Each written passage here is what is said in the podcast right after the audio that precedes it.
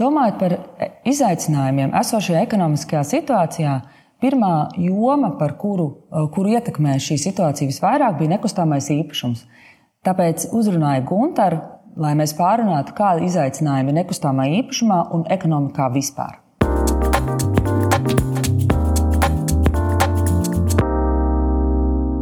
Gunter, mūsu šodienas sarunas vēlos sākt ar absolūti vienkāršu jautājumu, bet, bet viņš iedod tādu perspektīvu, kādā veidā tu raugies uz kaut kādām lietām saistībā ar, ar finansēm, ar biznesu. Kas ir krīze? Finanšu krīze, ekonomiskā krīze. Kā tu to raksturot? Jā, uh, finanšu krīze Es teiktu tā, ka tas ir kā naktī, kad tev saraujās sega un sāk salt. Un salst vienā pusē, salst otrā pusē, un tu esi tam visam pa vidu. Un tev ir jāieņem pareizā forma, lai visam būtu silti. Un, uh, patiesībā tā arī ir ikdienā, kad, kad uh, vienā pusē, ja tev zem segas ir kājas, otrā galva, tad uh, ikdienā tev vienā pusē ir klienti, otrā pusē ir piegādātāji, un tad uh, tev ir jābūt tam savienojošam elementam, uh, tā lai tavs biznesa noturētos. Un lai vienā un otrā pusē būtu silti.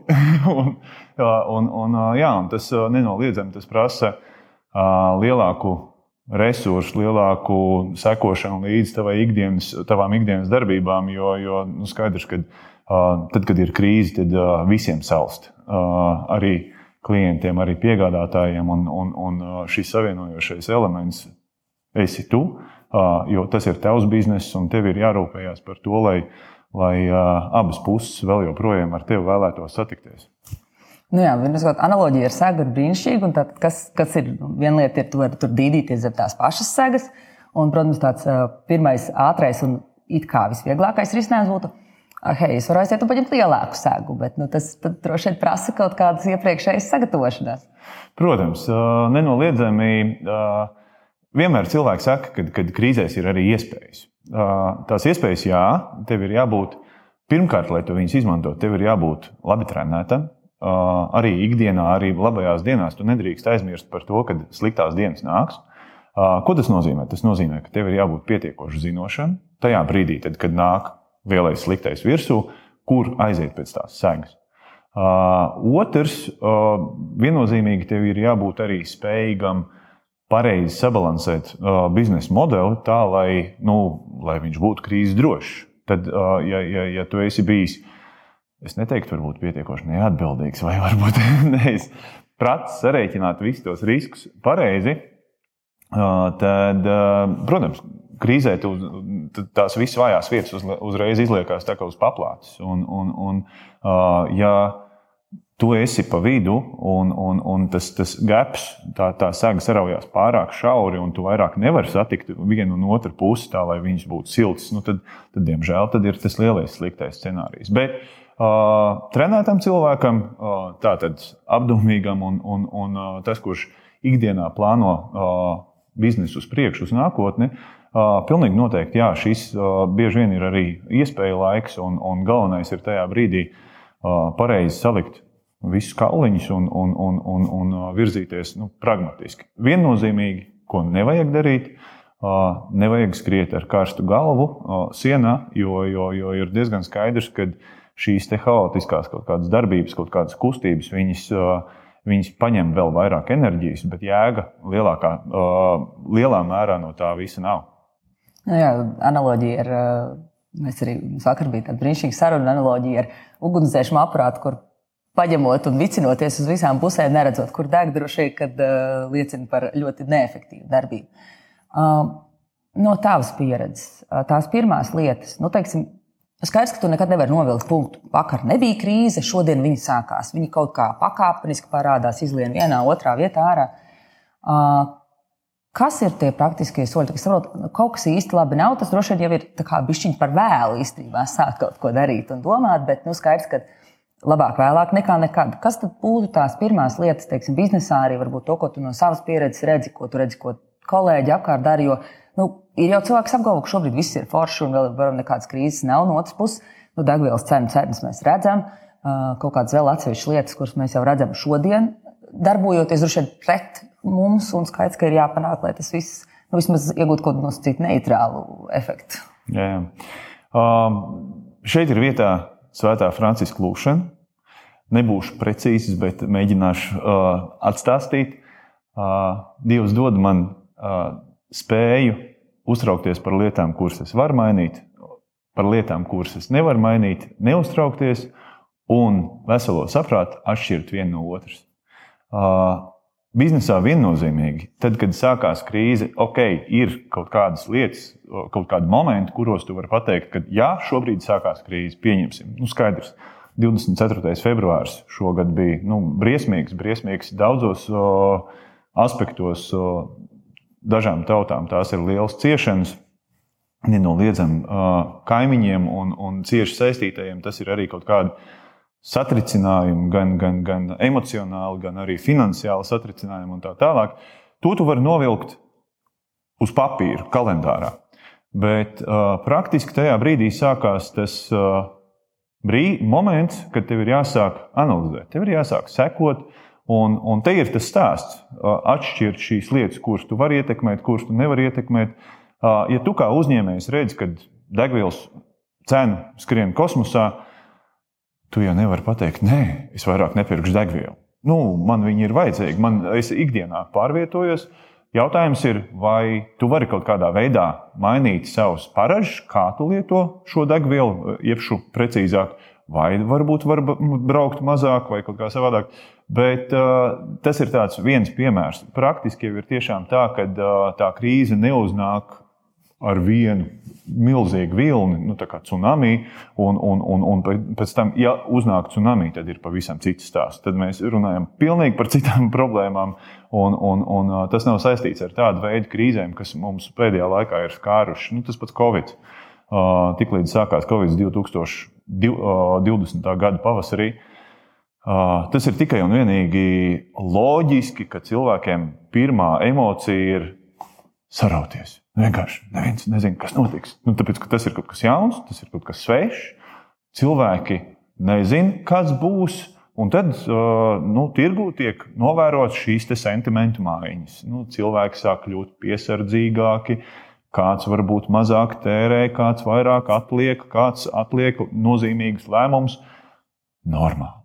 Tas viss ir normāli. Jautājums ir, kā tu un tavs bizness reaģē tajā konkrētajā laikā. Un, uh, Nenoliedzami, jā, mēs arī pieņemsim, novērojot iepriekš tajā pašā 2020. gadā nomnieku attiecības, nu, kad, kad, kad tev ir kompānijas, kas nomāno tev uz biroja telpas, pieņemsim, ir ļoti skaidrs, ka kompānijas, kurām šie biznesa modeļi ir tādi īstermiņāki, kur ir teiksim, uz vienu mēnešu naudas plūsmu balstīti, skaidrs, nu, šādām kompānijām, diemžēl, šīs krīzes īstermiņā skar ļoti cieši. Bet uh, atkal, ja mēs paskatāmies uz pavisam lielām organizācijām, globālajām kompānijām, ir kompānijas, kuras praktiski šo krīzi nemaz, nu, es, es runāju par Covid krīzi iepriekšējā, praktiski nemaz neizjūt. Protams, pārprofilējās vis kaut kādas lietas, tā skaitā biroja darbība, daudz cilvēku aizgāja mājās, strādāt attālināti un tā tālāk. Un tā tālāk. Izmaiņas, protams, ir. Bet, ja tu spēj izvērtēt tos riskus un atrast to pareizo modeli, kā rīkoties konkrētajā brīdī, var minimizēt šos riskus. Nu, faktiski tā tad.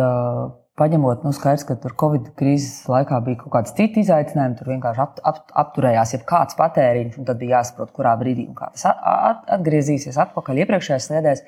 Tad šobrīd ir nu, pilnīgi cita situācija. Šobrīd it kā nu, vismaz tā vizuāli ārēji.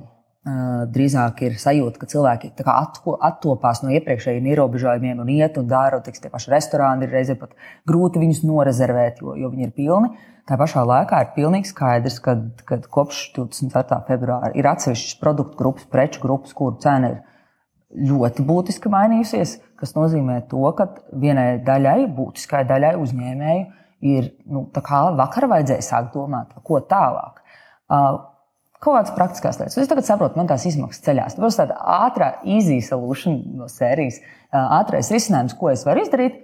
Es vienkārši to cenu nu, palielinājos par 5 eiro, es viņu ielieku gala klienta cenā. Un tu jūtos, o, es savu mājas darbu izdarījis, baigi labi aplaudēju sev, viss kārtībā. Reāli taču tā nestrādā. Protams, ka tā nestrādā.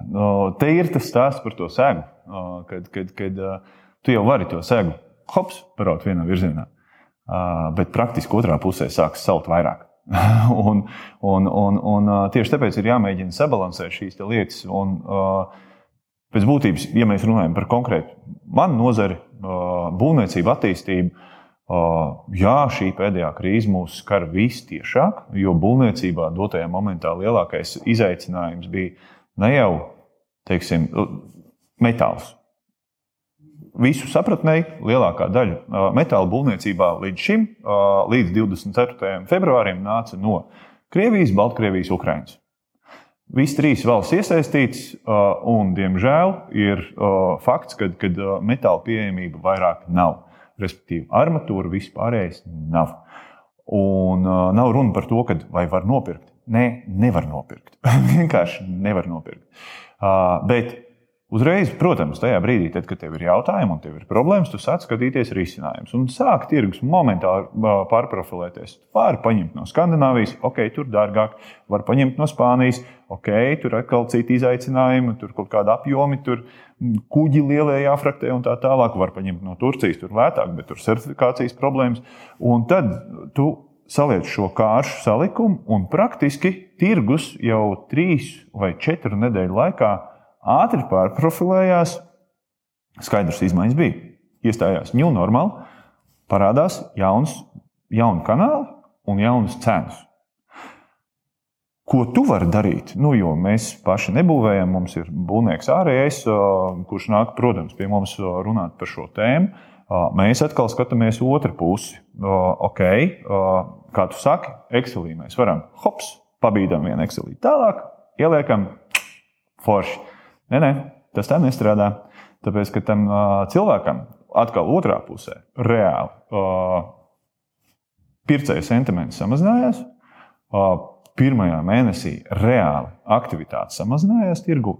Tāpēc, ka skaidrs, nekustamais īpašums un mājoklis tas ir kaut kas, kas ir ilgtermiņa ieguldījums un neskaidrības apstākļos dotajā momentā tērēt vai, vai, vai uzņemties ilgtermiņa saistības, pieņemsim, kredītu vai kaut ko tādu vai tomēr paturēt zeķē to, to kas tev ir? Nu, drošāk ir nu, tā. Un, un tad tu sāc skatīties, ok, labi, nevar tik daudz, vajag šī tik daudz, jo lētāk vairāk nebūs. Tas ir skaidrs. Mēs aizmirstam to, ka, kad, kad, kad būs lētāk, nē, lētāk nebūs.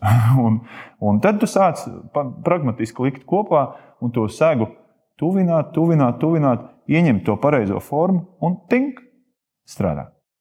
Uh, bet tā ir tikai viena nozara. Ir, ir, protams, daudz dažādas nozares, un, un, un uh, konkrēti dotajā momentā, pieņemsim, finanšu nozari, es ticu, ka uh, tur ir tieši tāpat izaicinājumi par sentimentu. Vai klienti ir gatavi dotajā momentā uzņemties jaunus saistības, tādējādi uh, uzņemties jaunus kredītus un jaunus pakalpojumus, vai atkal skatīties, kā strādāt ar esošo portfeli uh, un, un, un un tā tālāk. Un tā tālāk. Tas pats pieņemsim pakalpojumu nozarē.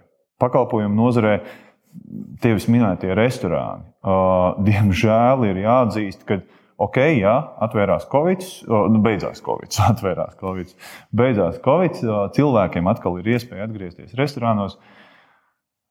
Un atkal ir blakus šis sentiments. Nu, tagad man tērēt uz to restorānu, vai varbūt atkal krāt zeķē. Uh, Bet uh, tā ir ikdiena. Un, un, un, uh, diemžēl šīs krīzes ir bijušas dotajā momentā, nu, kur vēl trakāk, divus gadus no sērijas no vietas. Bet, bet uh, beig beigās vienmēr ir tun, tuneļa galā gaisma, un, un, un viņai ir jābūt. nu, kas attiecās teiksim, uz, tām, uz tām inovācijām, skaidrs, ka tā, lai tu pārkāptu kaut kādam izaicinājumam, krīzē, vai kā viņu sauktu, tās inovācijas ir, ir ļoti svarīgas. Kā es to parisināšu, kur es atradīšu alternatīvas Un, un, un šeit, šeit ir bišķiņa arī no teorijas un uzņēmuma prakses. Ja kādreiz uzņēmuma dzīves ciklam tur bija kaut kāda milzīga skaitļa, tur uzņēmuma dzīves cikls būt 60, 70 gadu. Tev ir īstenībā ļoti daudz laika tur filozofēt un pielāgoties. Un tu pēc tam ļoti daudzus gadus ļoti nu, tā stabili, kā tāds kārtīgs vilciens, tu strādā, un, un tev nekas īstenībā nemainās, un tu ļoti skaidri zini, kas būs šodien, kas būs rīt. tad pēdējo gadu pieredze rāda pilnīgi skaidrs, un, to arī runā teorija par to, ka uzņēmuma dzīves cikls ir no šī milzīgā skaitļa samazinājies uz septiņiem gadiem, un, un ir pat kādi, kas jau spekulē, ka tas ir vēl īsāks. Kas faktiski no tādām pragmatiskām lietām nozīmē cilvēkiem to, ka tās inovācijas notiek aizvien ātrāk, ka tu kā uzņēmējs nu, šodien es ieviešu jaunu produktu, man jau īstenībā nākošā dienā ir jādomā, ko es vēl varu, ko es darīšu kā alternatīvu, un īstenībā jābūt tādā sort of zemajā startā visu laiku. Cik labi tas strādā. Jo nu, skaidrs, ka tu, ne, ne jau tu turēsi nemitīgi saraksts. Ja es nevarēšu nopirkt no turienes, tad man ir pieci citi. Vai tomēr turēšu? O, šī ir ļoti laba tēma. Jo, jo nu, pēc būtības nevelti startup kustība kā tāda ir ļoti aktuāla. Un, un, un, protams, dotajā momentā, ja mēs runājam par startup kustību Latvijā, tad, tad un citur pasaulē, Latvijā ir ļoti labi. Citur pasaulē arī ir labi. Varbūt kaut kādos aspektos mēs bišķiņu varbūt iepaliekam, bet virzība uz inovācijām viennozīmīgi ir. Nedrīkst gulēt uz lauriem, nedrīkst gaidīt momentu, kad kāds vienkārši tev aizskries garām tikai tāpēc, ka tu esi iesnaudies. Nu, nē, tā mūsdienās nenotiek. Un tas, ko tu saki par tiem septiņiem gadiem, mm, atkal no nekustamā īpašuma sfēras, var pateikt, klasiskajam importa investoram, kuram, es nezinu, ir, ir, ir investīcija fondi, aizmugurē pensiju fondi, institucionālie investori aizmugurē. Viņam, protams, viņam ideālā bilde ir tāda, ka uh, viņš uzbūvē māju, viņš noslēdz, pieņemsim, biroja māju, viņš noslēdz 20, garu, nelau, 20 gadu nelaužamu īres līgumu, un viņš sēž un garantē savu naudas plūsmu. Mūsdienās spilgts piemērs - loģistika. Dotajā momentā, kad sāk, kopš sākās Covid, no veikaliem, no veikala plauktiem viss atgriezās noliktavās, tāpēc, ka sākās attālinātā tirzniecība. Pasaulē e-komercija tā jau ir normāla tēma, ilgs laiks, bet uh, Covid laikā tas iedeva tādu papildus spērienu, impulsu vienkārši, lai visa infrastruktūra nomainītos.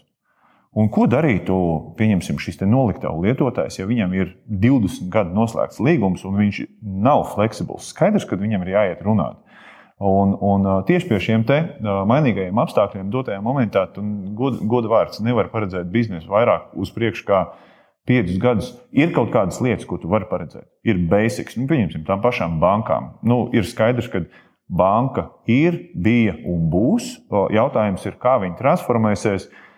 Vai elektronizēsies, vai būs vajadzīgi tik daudz darbinieku, vai varbūt būs vajadzīgi vēl vairāk darbinieku, lai apkalpotu robotus. To mēs nezinām. Bet skaidrs, ka evolūcija notiek. Tas ir fakts. Un pie šiem mainīgajiem apstākļiem tiešām jebkurš grib saglabāt kaut kādu elastību, kaut kādu fleksibilitāti un runāt par ilgtermiņa plāniem, par to, ka tagad es zinu, ka man fiksēts būs 10 vai 15 gadus tas, tas ir drosmīgi. Un droši vien arī nereāli. Nereāli. nereāli. Uh, Par tām praktiskajām lietām, ja mēs teiksim, paņemam, nu, tā tad man ir jābūt inovatīvai, man ir jāsaprot savs biznesa. Tas ir nu, tas priekšnoteikums, lai, lai man būtu cerība kaut kā tikt galā ar tās sagas pielāgošanu savām vajadzībām. Bet skaidrs, ka no nozares nozara pats pieminēja dažādus piemērus, kurā pirmais uh, ir, ir, ir īstenībā kaut kāds piegādātāja ietekme, kurā kaut kas varbūt ceļās, mainās, to varbūt vispār nevar nopirkt, vai to nopirkt trīsreiz dārgāk. Uh, Un, un tad ir nozares, kuras, kuras vairāk cieši no tā, ka okay, man ir apturējies patēriņš, jo skaidrs, ka makaronus visticamāk iespirkt, nu, kā tu gāji, pirkt, tev ir vēders. Nu, jāpieliek ar kaut kādu pārtiku, iespējams, tu pamainīsi, ko tu pirksi, bet skaidrs, ka pārtiku tu pirksi. Tad ir kaut kādas lietas, kuras, kuras tu vari atlikt par kaut kādu periodu, citreiz ilgāku, citreiz īsāku. Un tad sanāk, ja mēs tā mēģinām saprast, nu, kas tad būtu tas pirmais, kas man būtu jāizdara, lai es varētu saprast, kurā virzienā sākt savas inovācijas. Jo visos virzienos šaut uh, ir ne tikai neiespējami, bet nu, tas resurss vienkārši ir pārāk prasošs, un beigās tu nebūsi labs nekur. Tas sanāk, ka uh, man būtu jāsaprot savs bizness, un iespējams pat ne tikai uzņēmumu spektrā, bet iespējams pat kaut kādā uh, projektu līmenī. Kas tad ir tas pirmais, kas man ietekmē? Vai man ir jāsāk domāt, kā man runāt ar savu piegādātāju, kurš tagad vai nu vispār nevar atvest vai ceļ ļoti cenas, un, un ko es tur varu izdarīt? Vai arī otrs variants ir īstenībā, ka man ir jāsāk domāt, kā es to savu klientu iedrošinu. Varbūt es iedod kaut kādu papildus garantiju. Nu, tas kaut kā tā tad sanāk. Tas ir līdzīgi kā par to ugunsdzēsamo aparātu. Tev ir jāsaprot sākumā, kur deg un kas deg. Kas deg visvairāk? Un tajā brīdī tev ir vienkārši jānovērtē situācija. Un, ja tu redzi, ka deg abās pusēs, nu, tad tev ir nu, jāsadala riski uz abām pusēm. Nu, nedaudz padzēs tur, nedaudz padzēs tur. Vai izdosies nodzēst pilnībā, nezinām. Bet, ja tu redzi, ka deg viena puse, tad skaidrs, ka uz, uz to ir jāfokusējas vairāk. Uh, ko es ar to gribu pateikt? Uh, pēc būtības jārisina tie jautājumi, tie, kas ir aktuālākie konkrētajā momentā. Pēc teorijas, protams, tev ir jābūt jau, jau pirms visiem šiem ugunsgrēkiem gatavam.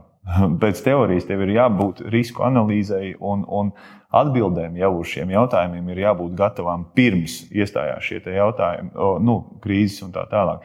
Bet, bet jā, tad, kad tas viss sākās, es teiktu, ka jādzēš ir pirmais tas, kas jāapzinās pirmais tas, kas tev sāp visvairāk, un, un, un tad jāliek tā puzle kopā.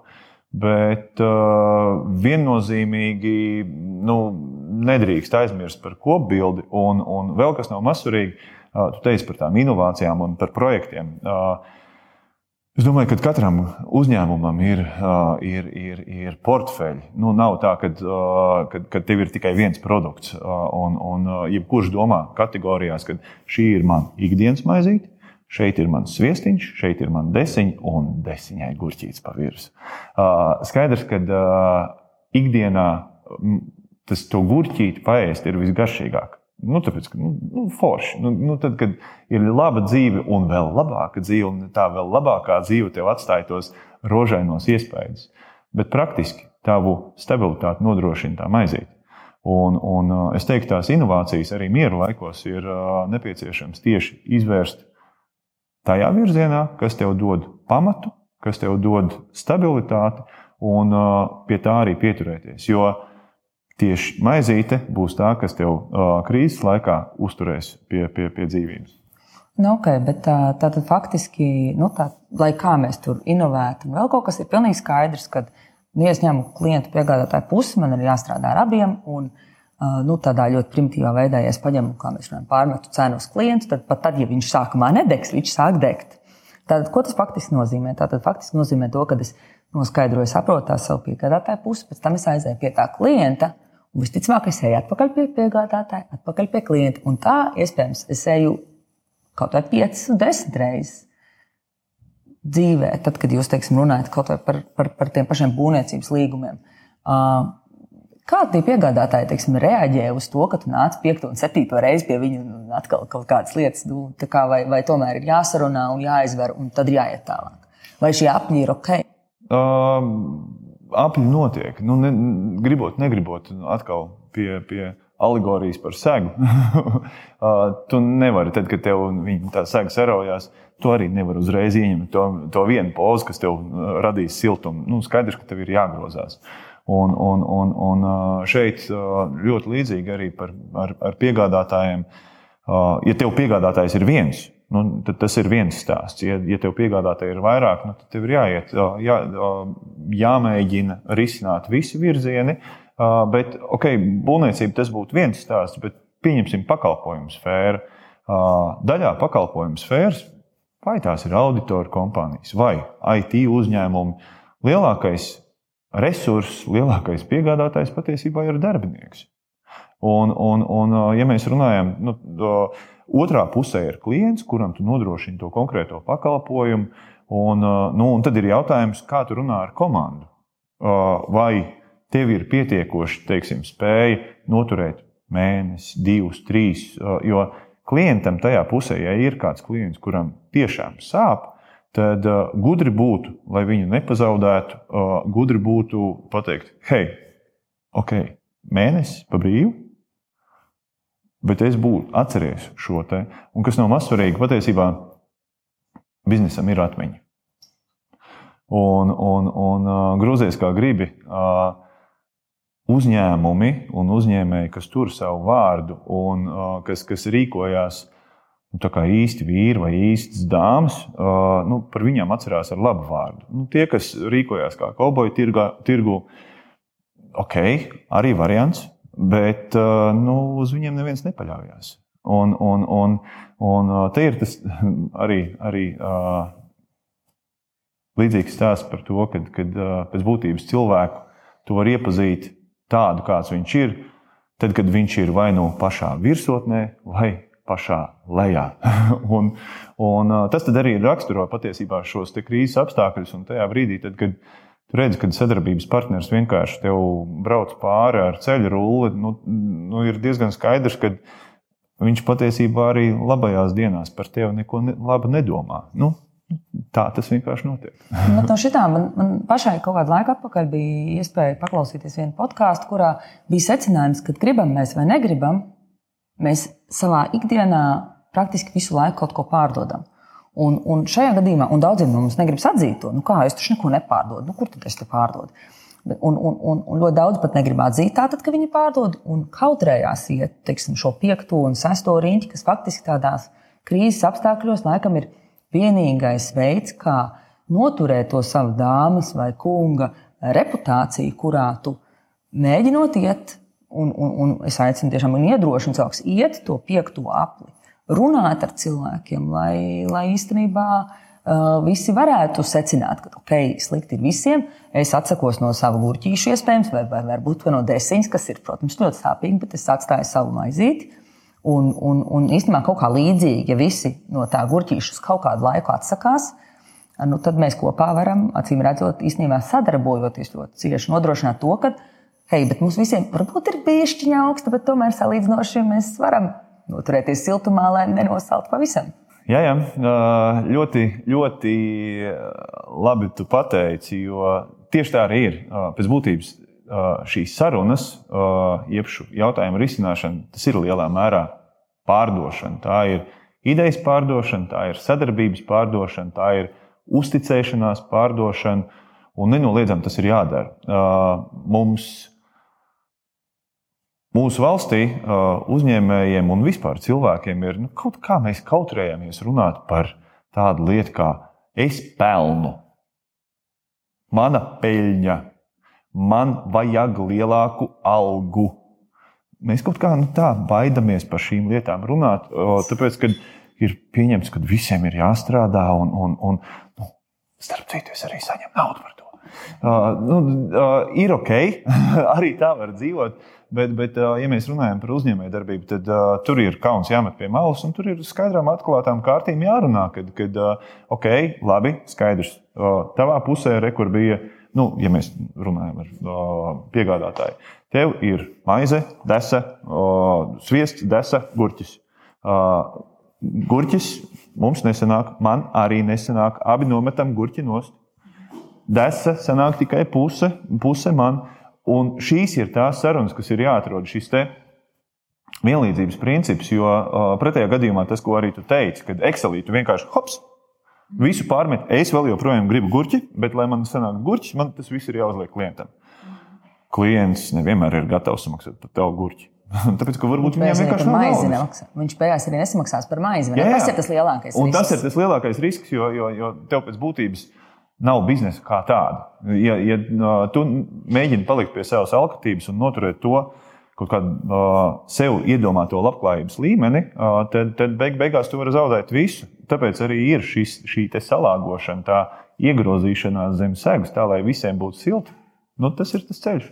Nu, kas nozīmē, ka mums arī, nu, droši vien kā latviešiem, man varētu nu, apgalvot teiksim, to, ka tad, tas nozīmē, ka tad, kad ir kaut kāda ļoti nu, nosacīta mierīga laika vai, vai, vai teiksim, tās krīzes nav, tad man īstenībā, tad, kad es rēķinu to savu lietu, Man ir jāsaprot, ka tajā brīdī man ir jāsrēķina ar visu to gurķu, varbūt vēl ar, ar olīvīti kaut kur stūrītī lai man būtu no kā atteikties. Jo es tajā pirmajā, sākotnējā mirklī jau savu biznesa plānu īstenībā balstu tikai uz to, ka man sanāk maizes, viests un varbūt tā pusdesa.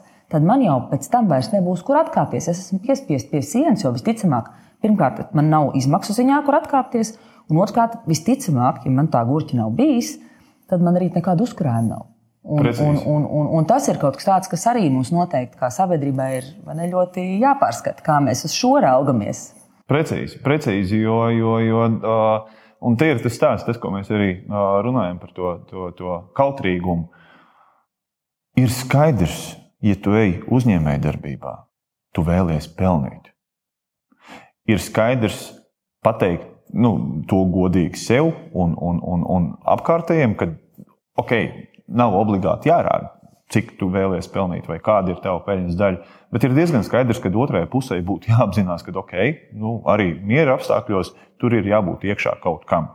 Un, un, un šai sarunai starp pusēm viennozīmīgi ir jābūt. Un, un, un, bet tas, ko tu saki, risku analīzē ir jābūt miera laikos, lai tu būtu gatavs satricinājumiem.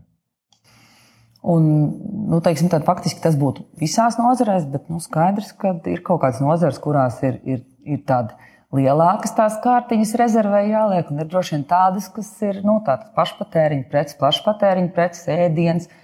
Nu, droši vien, ka tur nu, tie, tas, tās gurķi daudz nevar ielikt, bet no viņa arī līdz ar to neatsakās. Un tās ir daudz maz paliek tāds stabils, savukārt kaut kādās vairāk luksus vai, vai, vai investīciju, nu, tādā pašā nekustamā īpašumā nu, tur, tur ir, ir jāierēķina. Tur ir jāierēķina viennozīmīgi. Protams, mēdz būt arī situācijas, kur ir neizrēķināma riski, jo, jo, jo nu, ir pieņemsim viena vesela liela nozara, kas, kas, kas, kas transportēja šķidrvielas, sauksim viņus tā, alkoholu uz, uz, uz, uz, uz kaimiņu valsti.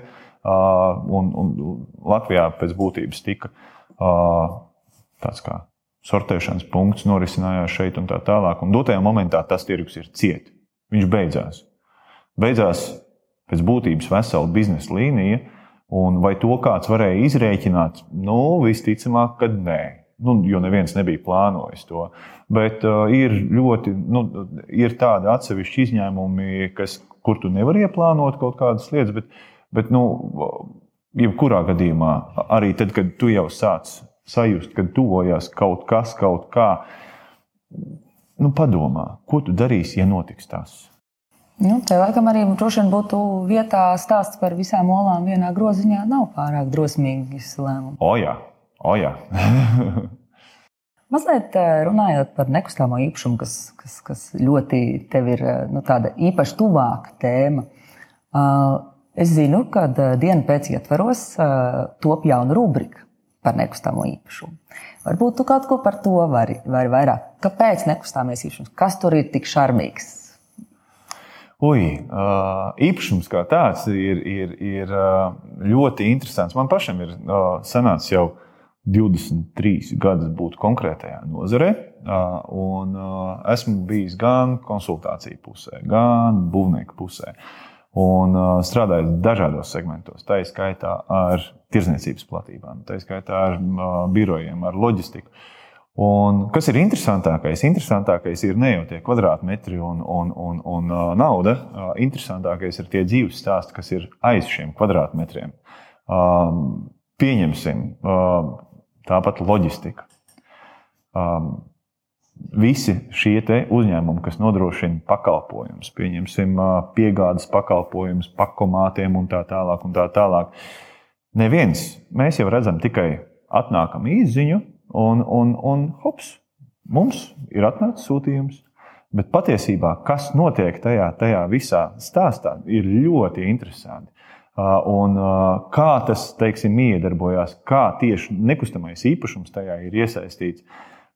Pieņemsim, pusotru gadu atpakaļ tas bija, ja? kad, kad izmet helikopteru naudas ģimenēm šķietam viss ok, mērķis cēls ģimenēm, pabalstiem krīzes laikā.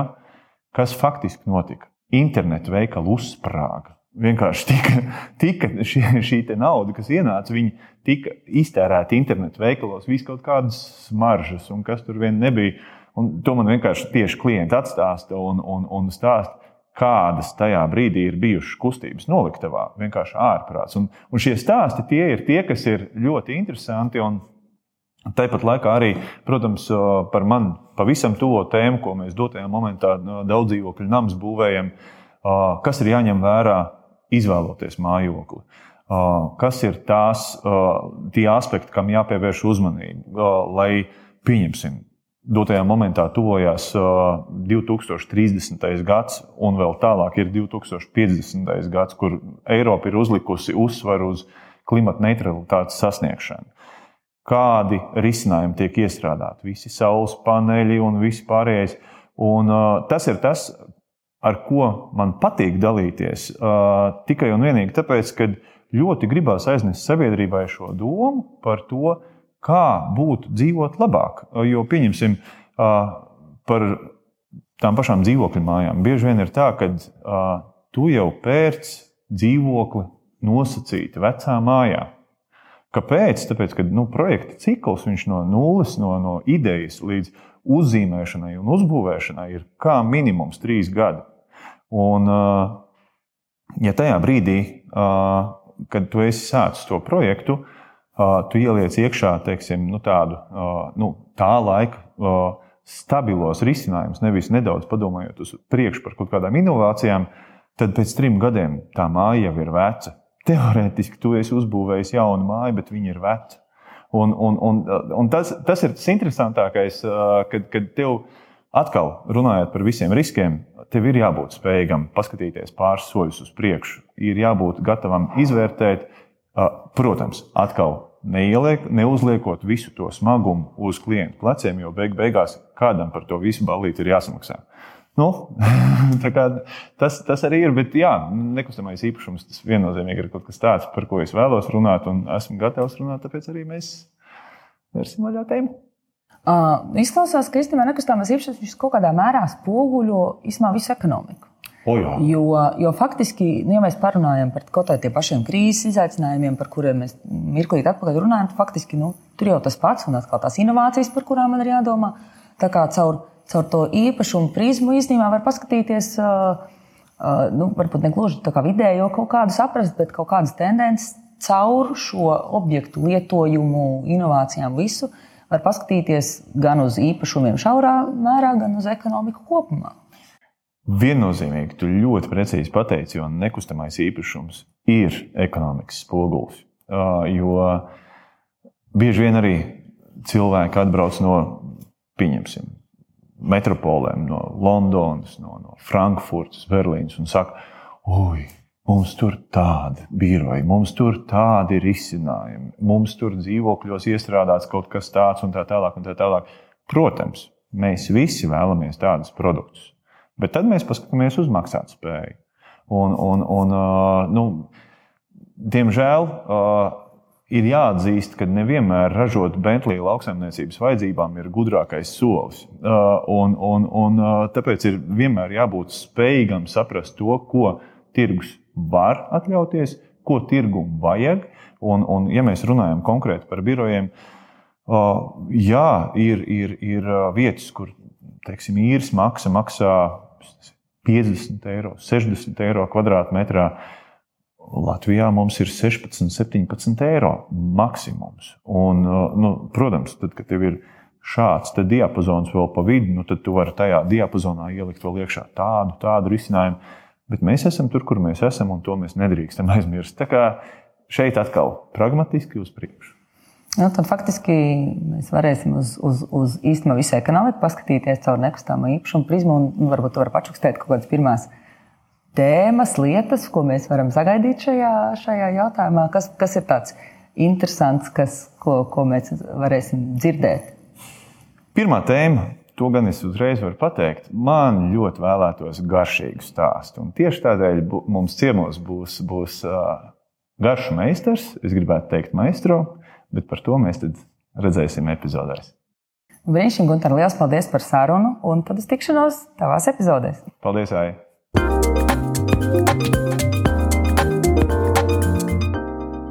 Nu, galvenā atziņa, kas uh, izkristalizējās sarunas laikā, ir to, ka mēs Visi esam pārdevēji. Gribam mēs to vai negribam, un jo spilgti šī prasme ir vajadzīga pārmaiņu laikos, krīzes laikos, lai mēs īstenībā nodrošinātu to iespēju visi kopā pārdzīvot un izdzīvot šo konkrēto situāciju, kāda nu viņa ir izveidojusies.